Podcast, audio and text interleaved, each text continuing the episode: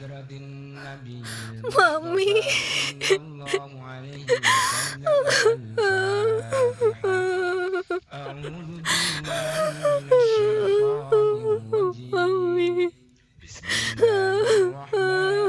Udah tuh sih, ikhlasin mami pulang dengan tenang ya. Mami.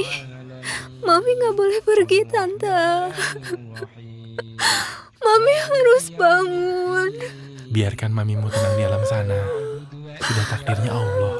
Nggak perlu disesali. Tapi aku nggak sanggup kalau gak ada Mami, Om.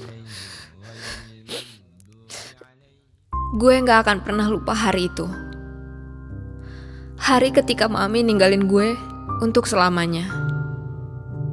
Hari di mana gue akhirnya bisa memahami arti kata perpisahan yang sesungguhnya. Ternyata berpisah dengan orang tua yang sangat kita cintai itu rasanya seperti kiamat. Segalanya hilang seketika. Terus buat apa gue masih di sini? gue cuma mau hidup kalau ada mami. Mbak Tusi maaf, ini ada amanat dari pihak kepolisian. Semua barang pribadi milik ibu yang berhasil dikumpulkan dari lokasi kecelakaan mobil ada di lantas ini. Handphone, dompet, buku, kunci, dan sebagainya. Biar saya yang terima, Pak. Tusi lagi berduka. Baik Pak, eh, mohon ditandatangani ya. Terima kasih ya. Sama-sama Pak. Mami meninggal karena kecelakaan di tol. Yang gue tahu berdasarkan cerita pihak kepolisian, mobil yang dikendarai Mami bersama Pak Yono, supir keluarga kami, dihajar truk kontainer ugal-ugalan dari belakang sampai terpental menabrak pembatas jalan. Mami wafat seketika karena benturan beton keras di kepala. Sementara Pak Yono hingga detik itu pun masih dalam keadaan koma. Sedangkan supir truk dan dua orang temannya yang bikin Mami celaka malah selamat. Bahkan hampir tanpa luka sama sekali. Betapa nggak adil rasanya. Padahal baru beberapa jam sebelumnya, gue dan Mami masih saling bertemu seperti biasa. Bahkan masih saling bercanda seru. Tusi, mami mau pergi dulu ya. Pulang kuliah kamu jangan keluyuran. Mulai sekarang, kamu harus lebih sering ada di rumah. Bantuin mami gitu ngurusin kerjaan rumah. Emang Mami mau ke mana sih? Mami ada urusan dulu ya. Maksudnya urusan apa sih, Mi? Ah, kamu mau tau aja. Cie, Mami. Pakai rahasia-rahasiaan segala lagi sama aku. Ayo, mau ketemuan sama cowok kan? Sembarangan. Emangnya kamu? Mami tahu kamu diem-diem suka teleponan sama siapa tuh? Temen kamu yang tinggi-tinggi kacamata itu. Vino ya namanya. Vito, Mi. Ah, lagian Mami tahu aja. Suka nguping ya? Awas lo ya. Mami tuh nggak setuju kalau kamu pacaran-pacaran gitu. Kecuali nanti habis akad nikah. Siapa juga yang pacaran sama Vito? Mami ada-ada aja deh. Kita itu sahabatan doang kok, Mi. Eh, tapi kalau pacaran gak boleh, gimana caranya bisa akad nikah sih, Mi? Ya kamu kan bisa ta'arufan aja. Pokoknya gini ya. Mami mau mulai sekarang kamu belajar mandiri. Gak selamanya Mami bisa nemenin kamu terus tuh sih. Apaan sih, Mi? Tuh sih kan belum mau nikah kok. Masih pengen terus sama Mami. Seandainya gue bisa lebih peka.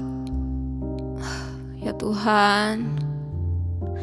Seandainya gue sadar bahwa ternyata obrolan ringan kami pagi hari sebelum kejadian itu adalah yang terakhir. Gue tahu takdir Allah bukan untuk digugat. Tapi kesedihan gue melahirkan sebuah pertanyaan yang gak mampu gue cegah. Kenapa harus mami yang Allah cabut nyawanya? Kenapa bukan yang lain? Kenapa nggak supir truk dan teman-temannya itu aja? Atau seenggaknya, seandainya aja gue dipersilahkan memilih, gue pasti akan lebih milih supaya papi aja yang dijemput malaikat maut lebih dulu dibanding mami. Karena mami segalanya bagi gue. Keberadaannya itu jauh lebih penting dan jauh lebih gue butuhkan dibanding papi. Sejak kecil gue gak pernah terpisah jauh dari mami. Sementara papi, hubungan gue dan papi itu justru kayak Tom and Jerry. Bagi gue, papi itu sosok bapak yang arogan dan misterius. Tuh sih, tante boleh masuk nggak? Iya, boleh tante.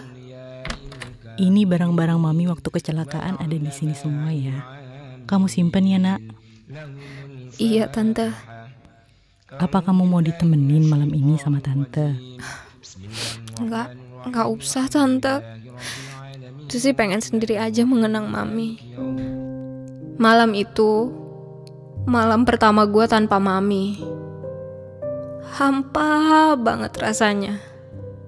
Tapi udah nggak ada lagi air mata yang bisa mengalir. Meskipun hati gue masih kayak diiris-iris, tau nggak?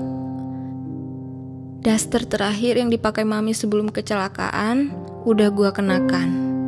Masih ada harum tubuhnya di sana. Dan barang-barang terakhir yang mami bawa di dalam mobil sebelum kecelakaan itu terjadi juga udah ada di tangan gue.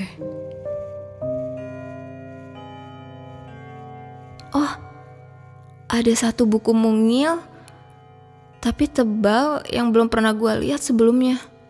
Berwarna pink muda dengan cover bergambar dua orang gadis kecil saling menggenggam tangan. Mungkin ada banyak cerita pribadi mami yang tergoreskan di dalamnya.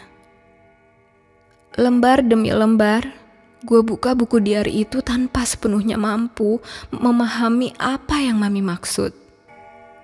Gue cuma bisa menangkap kesan bahwa dulu mami punya seorang sahabat bernama Lucy. Sampai pada halaman kelima dua, mendekati lembar yang paling akhir, mata gue baru terbelalak setelah membaca sebuah syair pendek yang mami torehkan di sana. Untuk anakku, Tusi tersayang. Meski mami bukan ibu kandungmu, tapi percayalah, sampai mati, cinta mami sepenuhnya milikmu.